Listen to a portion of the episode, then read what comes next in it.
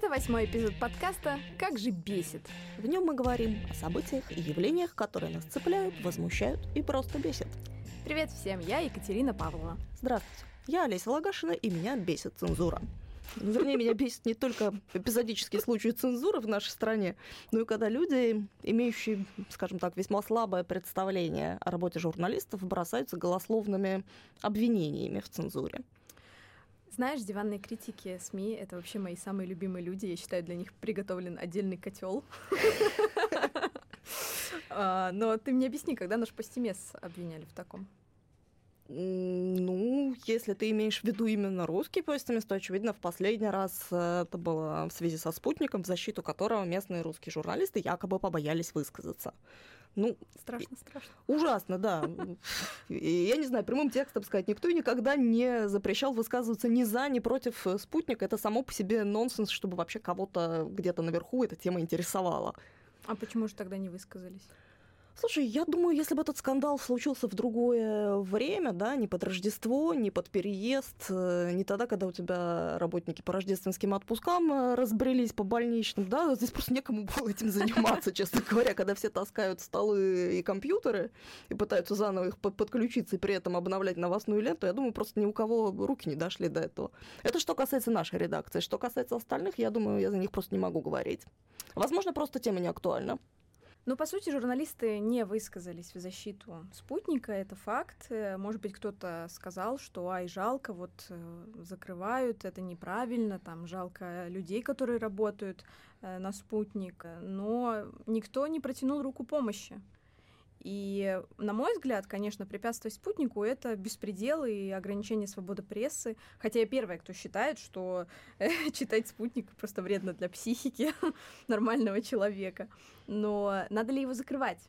Это большой вопрос. Олесь, вот ответь честно с позиции главреда конкурирующего издания. Так кто здесь конкурирующее издание? Ну, слушай, у спутника э, я каждый раз не ленюсь посмотреть их статистику. Последняя, которая доступна, там у них было что-то типа 5 тысяч пользователей в неделю. Это так для сравнения, у нас их 122 тысячи. Ну, как бы какой они нам конкурент? И, кстати, мне в декабре, когда разразился этот скандал со спутником, только-только начинал разворачиваться, мне внештатный автор предложил э, очень критическую статью, э, в которой, наоборот, одобрялось бы закрытие спутника и давление на него, я отказался ее публиковать достаточно вежливо, сославшись на то, что сейчас вообще-то рождественский мир, и мне очень не хочется как бы вот этого всего делать. Mm-hmm. Поэтому, ну, как бы мне противно участвовать в травле, но вставать и говорить э, свободу Деточкину, ну, я не думаю, что Э, люди, работавшие на спутнике, каким-то образом стали бы высказываться в мою защиту, если вдруг по какой-то причине я вылетела отсюда. Я думаю, там э, гораздо больше было бы злорадства, чем солидарности. Вот если, дорогие слушатели, сейчас слышат какой-то странный шум у нас позади, то это э, работают строители, которые достраивают э, наш офис, поэтому мы, ну, собственно, не врали. в таких условиях мы последние 2-3 недели работаем, поэтому не сочтите это за работу глушилок. Нет, нас не пытаются заблокировать с нашей острой политической темой, просто здесь постоянно работает дрель. Хорошо, что не отбойный молоток. Ну, вот все, что ты сказала про э, закрытие, считаешь ли ты это цензурой? То, что пытаются закрыть спутник? На самом деле, я считаю, что это случай идиотизма, а не цензуры. Хотя и случай цензуры тоже. Мне на самом деле э, непонятно вот эта прагматика преследования мне кажется, что давление, финансовое давление на спутник, оно абсолютно нерационально. И, в общем, справедливо замечалось уже неоднократно, что санкции против Киселева были введены даже не год назад, да, с 2014 года мы все это имеем. И как бы чего ж вы сейчас-то спохватились? Это... Нашли лазейку. Ну, в общем, достаточно дико все это выглядит, а учитывая, что влияние спутника на массовую аудиторию маргинально, зачем? Какую цель мы преследуем, когда мы сейчас давим на сотрудников э, портала?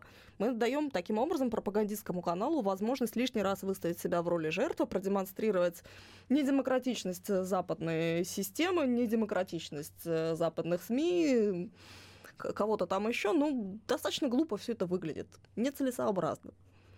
Э, про то, что они только сейчас похватились, что спутник у нас работает, это просто как в нормальном эстонском анекдоте про эстонцев. Киселева, э, значит, э, в санкционный список он попал в 2014 в 2016 открылся спутник, никто тогда и слова не сказал. Ну как? Причем открытие произошло на 24 февраля, я как помню. Ой, мы это очень бурно обсуждали тогда, как же никто ничего не сказал. Как бы давайте согласимся с тем, что действительно очень странно, что эстонские власти внезапно спустя, блин, 4 года поняли, что, боже мой. Ну, здесь на самом деле остается только гадать, кому и зачем это понадобилось именно сейчас. Кто-то выслушаться захотел, или вот тут недавно коллеги предположили, что, может быть, это такой пробный шар. Где-то в какой-то стороне спутник уже достал всех настолько, и там может быть массовый охват аудитории у них больше, что вот сейчас мы опробуем на Эстонии, да, вот э, под этим юридическим предлогом мы закроем, если это прокатит, мы в других странах сделаем то же самое. Mm-hmm. Но все равно как-то нерационально, даже если его закроют вообще везде, кроме России, всегда останется гораздо больше эм, эффективных, менее энергозатратных, менее дорогостоящих каналов э, распространения дезинформации. Ну, если ты попробуешь на YouTube э, поискать, например, информацию о катастрофе MH17 на русском языке, узнаешь много нового. Понимаешь, для того, чтобы эта информация распространялась, спутник совершенно не обязателен. Да, согласна, на самом деле, не, не очень понимаю эту политику Кремля, просто на создавать кучу-кучу агентств, которые говорят одно и то же. Ну, это ладно, это их дела. Есть еще одна, на самом деле, вещь, э, которая бесит, это когда человек, не имеющий никакого отношения к эстонским СМИ, вдруг замечает, что они пишут приблизительно об одном и том же. И делает из этого вывод, что всем откуда-то сверху дано указание писать именно об этом и только так и не иначе. В последний раз, кажется, с иранским э, деятелем Сулеймани так произошло, да, утверждал в соцсетях, что вот посмотрите, как под копирку, удивительно, все эстонские порталы пишут одно и то же. Источник, посмотрите, у всех это перепечатка с BBC, ну черт побери, одно BBC от второго BBC не сильно отличается, если это один и тот же ресурс. А то, что договоры у всех заключены с одними и теми же источниками информации, ну, как бы это элементарная логика нашей повседневной журналистской жизни. Далеко не всегда это вообще касается каких-то острополитических сюжетов. Точно дико выглядит, когда кто-то предполагает, что существуют какие-то темники, да, которые нам присылают откуда-то сверху. Я вот даже при всем желании не могу сейчас представить, кто мне этот темник может прислать кто редакция может его выдать? Да? Это главный редактор, которого у нас нет сейчас. Премьер-министр, которому, судя по ответам на вопрос о спутнике, который ему наш корреспондент задала в интервью, ему вообще, по-моему, все равно. Есть спутник, нет спутника. А что он сказал-то? Он сказал, что мы не боимся спутника. Путин сказал, кто-то там боится спутника, Ратов а. сказал, нет, мы не боимся спутника. Точка. Все, на этом инцидент исчерпан президент, как бы, ну, президент не занимается такими вещами, у него практически власти нет, оттуда явно темники никакие не придут. У нас чуть-чуть другая страна. Капо пришлет. Ну, вы себе представляете, какой был бы скандал, если бы стало известно о существовании таких темников, и куда был бы послан тот, кто пытается их навязать, грубо говоря. Ну-ка расскажи, куда бы его послали. Ну, я советую в таких случаях, начинаешь сомневаться, может ли тебе кто-то указывать, да, открой кодекс журналистской этики. Там вообще в первом же пункте, пункт 1.1, гласит, что у нас есть свобода прессы, и предпосылкой функционирования демократического общества является свобода коммуникации. Ну и, кстати, это не единственный пункт, который касается независимости журналиста. Там есть еще э, такой пункт, который говорит, что работника редакции нельзя обязать делать или писать что-то такое, что противоречит его личным убеждениям. Ну, все же давай эм, как это сказать, подведем черту, что есть темы, которые обсуждать, наверное, не то, что запретно, но очень сложно. Ну, как тебе сказать? Они, наверное, есть, но мне кажется, что это совсем не те темы, которые, может быть, предполагает наш среднестатистический русский читатель, да? Обычно как бы предполагается, что запрещено говорить, там, не знаю, о русских школах, в защиту русских школ, не знаю, в защиту спутника того же, да, то есть какая-то национальная подоплека должна быть. Я не вижу, чтобы об этом а, нельзя было говорить. А, скорее, мне кажется, что в данный момент надо иметь э, яйца, чтобы обсуждать, например, а, в нашей компании аптечную реформу. Да? Знаешь, есть еще один такой специфический момент. Журналист, он ведь эм, существо такое очень самолюбивое. Когда ему говорят, что он ангажирован и придерживается какой-то конкретной позиции, которую ему кто-то диктует, будь то власть, будь то собственник или кто-то еще, а, ну, как бы у уважающего себя журналиста может возникнуть такой рефлекс, что я вам сейчас докажу обратное, да, и я начну склоняться к вашей точке зрения, да, я буду там, грубо говоря, работая в постимес, выступать против аптечной реформы, даже если не очевидно, что я должен отстаивать эту точку зрения. Я условно сейчас говорю, да. Так, такой рефлекс у журналиста тоже может быть, и это как бы тоже не совсем правильно вестись э, на поводу у тех, кто пытается продиктовать свою позицию. Хотя, с другой стороны, сейчас мы, обсуждая спутник, в общем, с тобой то же самое делаем, пытаясь как бы ответить на те претензии, которые нам э, предъявляют. Я не считаю, что мы здесь э, на самом деле сделали что-то не так. Тему мы освещали достаточно взвешенно, повторюсь. Ну смотри, меня волнует то, что как теперь вот на фоне всего произошедшего со спутником, на каком будем счету, как вот как страна и свобода прессы, потому что в прошлом году, согласно рейтингу, мы были на 11 месте. Россия, кстати, на 149 как теперь изменится наше место и повлияет ли закрытие спутника на вот этот рейтинг? Я думаю, что в нашей журналистике есть гораздо больше, более серьезных проблем, которые на наше место в этом рейтинге могут оказать более существенное влияние сам по себе спутник не окажет влияния вообще, мне кажется, никакого. Ну вот, э, некоторые считают, что э, это совершенно не актуальна для нас проблема, а завтра начнут э, преследовать нас, потому что наши родственники или друзья э, работают э, в спутнике, ну или там, например, работают на спутник в других странах. Э, у меня друг три года назад недолго проработал на спутник и ушел, то есть он даже не был журналистом, он пришел туда, поработал немного, просто чтобы попробовать себя, а потом нашел себе более высокооплачиваемую работу и ушел. Три года спустя, осенью вот прошлого года, пишут ему э, из банка, пожалуйста, предъявите вот э, полные объяснения, почему вы получали от России сегодня деньги, э, в какой период времени, работаете ли вы на них до сих пор, планируете получать там от них еще деньги. Э, мой друг объяснил, что ну как бы вот работал, нет, не планирую, все, закрыли. Причем, ну, прошло-то много времени. Тут буквально на днях он пишет в Фейсбуке, говорит, у меня от моего нынешнего работодателя эстонского заблокировали перевод в банке, потому что требует э, заново предоставлять всякие объяснения, но уже не по России сегодня, а просто вообще типа, э, почему вы получаете от них деньги, на каком основании и так далее. Он как бы связал это четко с, со спутником, потому что буквально недавно от него как раз требовали эти документы, и он как бы очень грубой форме ответил банку, какого м?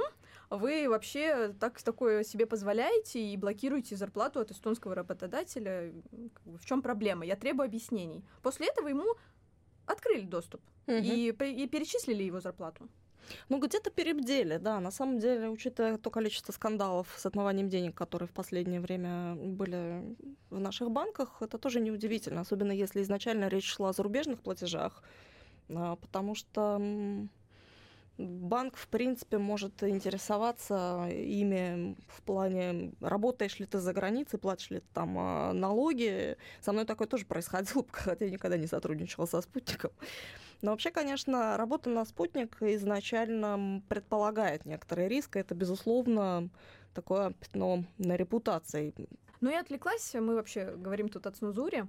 Мы спросили, что думает о цензуре в эстонских СМИ советник эстонского бюро депутата Европарламента Яны Том Маргарита Корнышева. Слово цензура вообще понимают очень по-разному. Наверное, сколько людей, столько и пониманий на самом-то деле.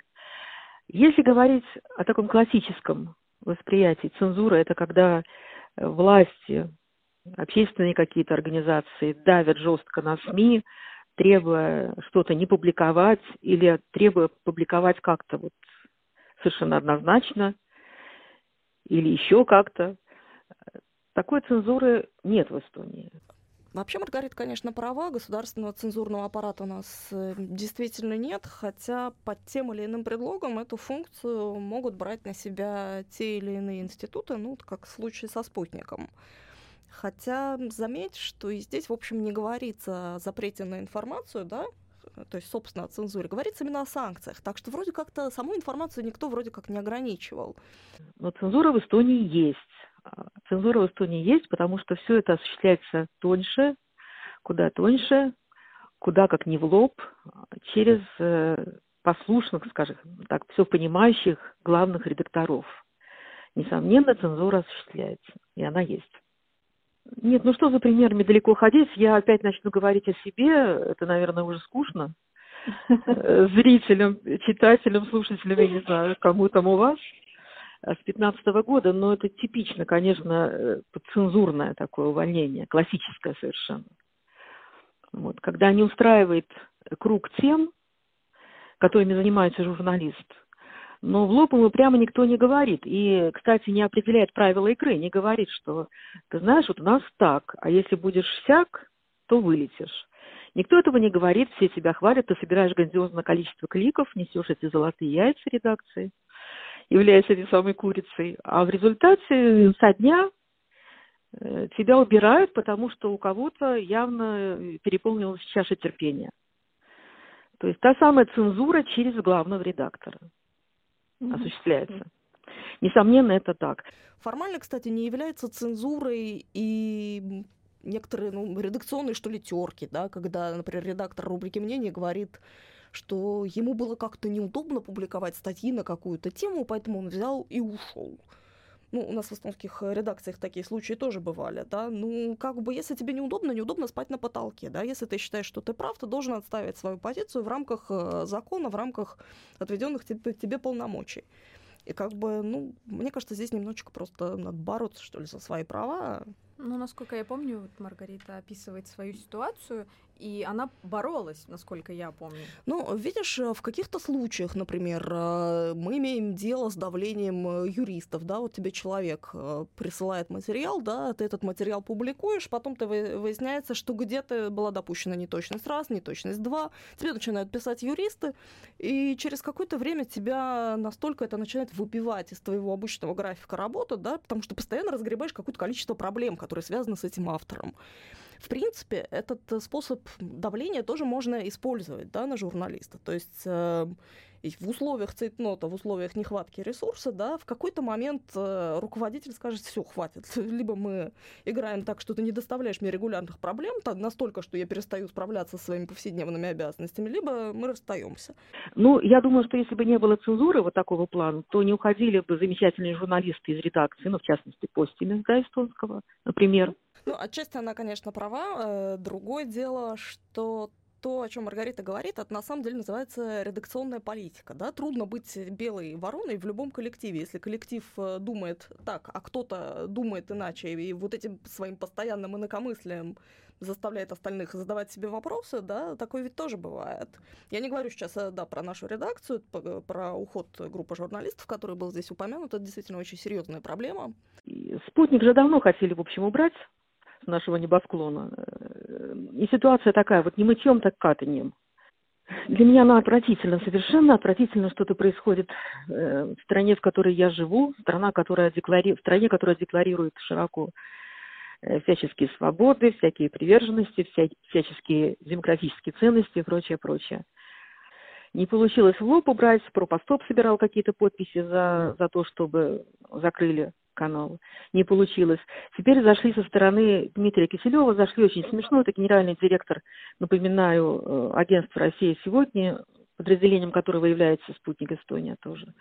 Зашли со стороны Дмитрия Киселева, который под санкциями 2014 года аж зашли в 18-м, наконец, объявив, что вот, коль скоро он под санкциями, а э, спутник подконтролен ему, то надо убираться потихоньку, убирать журналистов. Ну, подконтрольно, не подконтрольно, в данном случае тема большого юридического спора, как я уже писала, но я хочу сказать о другом, опять-таки о том, что ни одно средство массовой информации Эстонии, ни союз журналистов, ни союз газет не посчитали нужно выразить протест какой-то против такого вот наезда омерзительного. Я хочу напомнить про Шарли Эбдо, французский еженедельник, э, когда наши издания выходили со слоганом «Я Шарли», я понимаю, там был расстрел редакции, я понимаю э, всю эту жуткую трагедию, трагедию, но тем не менее весь мир и наши СМИ откликнулись широко. Э, думаю, что здесь явление, ну, слава тебе, Господи, не такой трагедии, но такого же порядка на самом-то деле. Солидарность, конечно, надо было выразить. Это не российские дела, это эстонские дела, потому, потому что много граждан в Эстонии работало в спутнике. И еще это замечательный довод. Ты защищаешь, призываешь защищать пропагандистов, это никакие не журналисты. Ну, в этом смысле пропагандой занимаются абсолютно все СМИ во всем мире. И Постимес, есть и Павелев, Дельфи у нас тоже, причем э, совершенно спокойно, за милую душу. И не надо при этом строить из себя э, святых каких-то. Я думаю, на самом деле это очень большая ошибка говорить э, о том, что все мы занимаемся пропагандой в разной мере.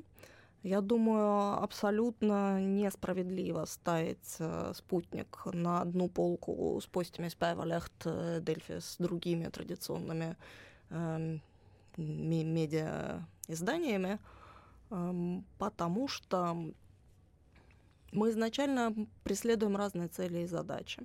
Да, это та же самая руководительница местного спутника во время предыдущей нашей встречи на телевидении эту задачу прямо озвучила, и это действительно задача пропаганды. Я пропагандистских задач э, у Постимис э, как таковых не вижу.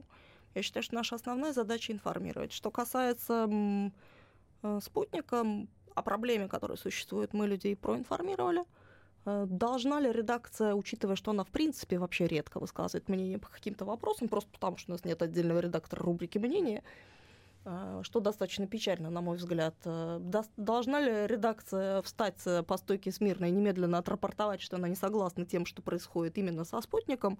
У нас есть много других моментов, которые, может быть, хотелось бы прокомментировать, но не всегда на это оказывается достаточно ресурсов. Мне кажется, еще есть такая проблема в Эстонии. Это межличностные отношения и то, что Эстония, она такая маленькая. Ну, не зря же говорят, вот там Таллин — это маленькая деревня, да.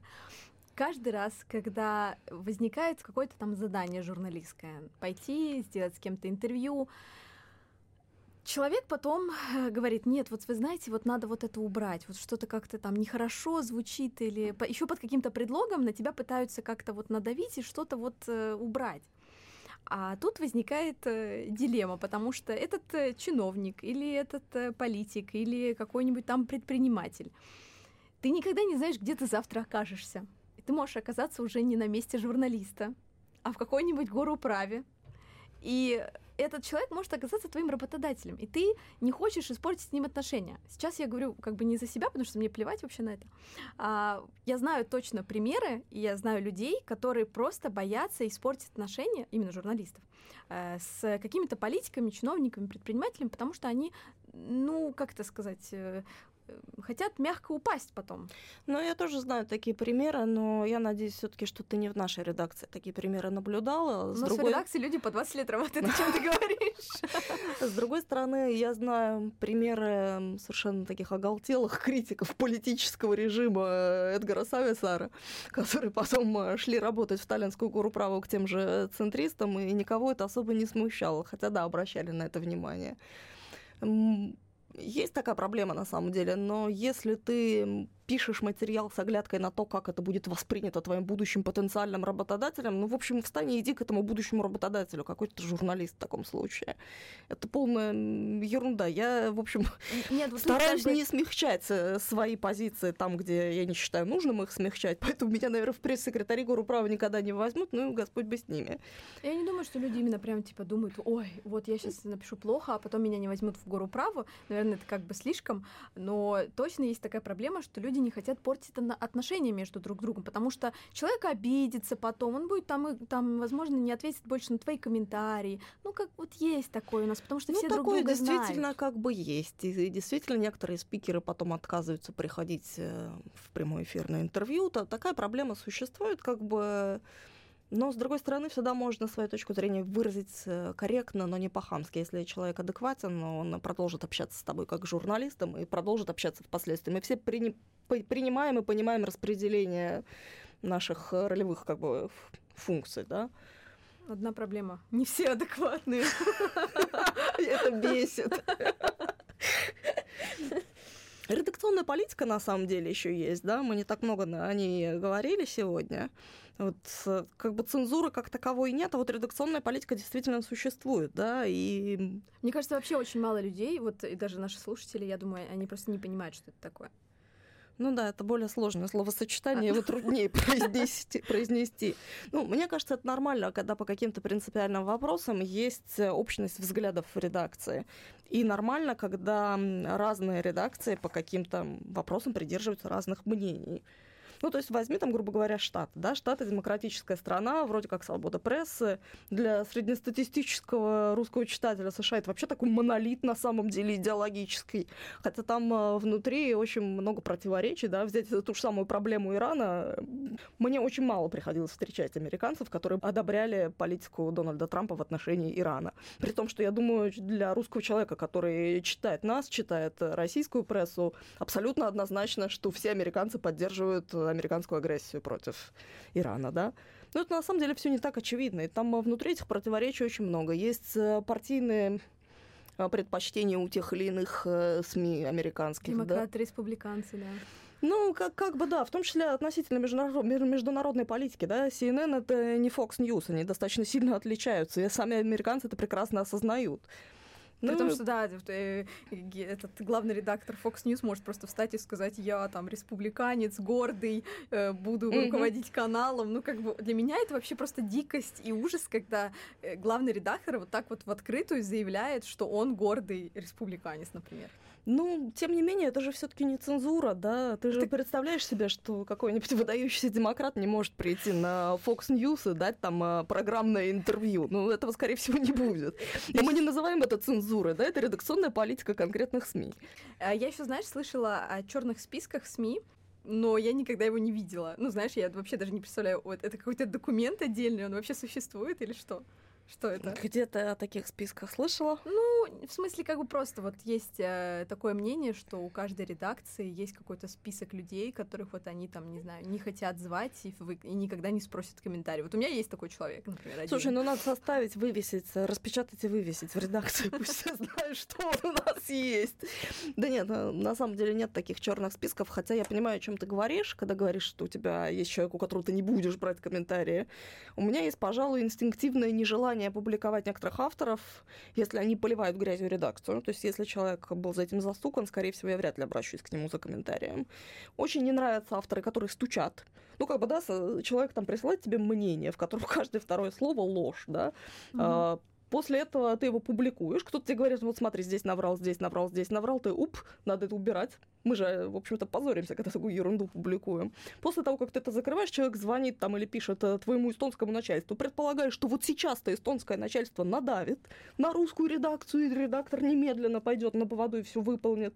И когда ты говоришь, э, ни с какой радости я должна это делать, вот здесь наврал, здесь наврал, здесь наврал, человек начинает звонить тебе по телефону и нежнейшим голосом э, убеждать, что он вообще во всем прав и хочет сотрудничать дальше. Нет, извините, я не хочу перепроверять каждое второе слово, если человек лжет. И, в общем, со стукачами общаться мне тоже крайне неприятно. Вот ты сказала про то, что кто-то поливает, там, может поливать грязью. Вот у меня такой человек, он э, хотел там публиковаться у нас, а в итоге просто с ног до головы облил помоями моего коллегу, и после такого я не то, что как бы не хочу с ним разговаривать, да если он даже президентом Эстонии станет, я у него интервью не возьму. То есть человека убьет. Просто, да, еще позлорадствовать. Ну, вот как бы да, можно сотрудничать с теми, с кем ты, в принципе, не согласен. Можно их даже уважать там за принципиальность взглядов. Но сотрудничать с подлецами не хочется, даже если у вас с ним э, в чем-то общие могут быть взгляды. И цензура ли это? Я думаю, что совсем нет. Тут такой большой вопрос это этики. Ты все-таки как бы журналист, и там нужно э, предлагать разные мнения, быть объективным. Но вот что делать вот с этим эмоциональным э, нежеланием не то, что там брать комментарии, а даже просто здороваться с этим человеком на улице? Ну, с другой стороны, Многообразие мнений должно быть э, представлено за какой период, э, в рамках какой рубрики, в рамках э, какого источника, да, потому что мы можем перепечатывать какие-то комментарии из других изданий, это тоже в общей сложности будет создавать некую картину, да. А другое дело, если взять одну рубрику мнения по отдельности, она, в принципе, заполняется так редко, что там очень трудно какой-то статистический баланс вообще усмотреть. Там выборка очень случайная. Просто потому, что этой рубрикой никто никогда не занимается. Она по остаточному принципу всегда заполняется. Это был урок этики с Олесей Лагашиной. Это был урок прагматики. Ну, в общем, да, не стоит говорить гадости у нас за спиной, а потом жаловаться на то, что вас не публикуют. Нас это чуть-чуть бесит. Так что будьте конструктивны, проявляйте к журналистам хотя бы элементарную вежливость, и мы открыты для дискуссий. Спасибо, что слушали нас. Подписывайтесь и пишите на венасобачкапостимес.е и оставляйте свои комментарии о том, что раздражает вас.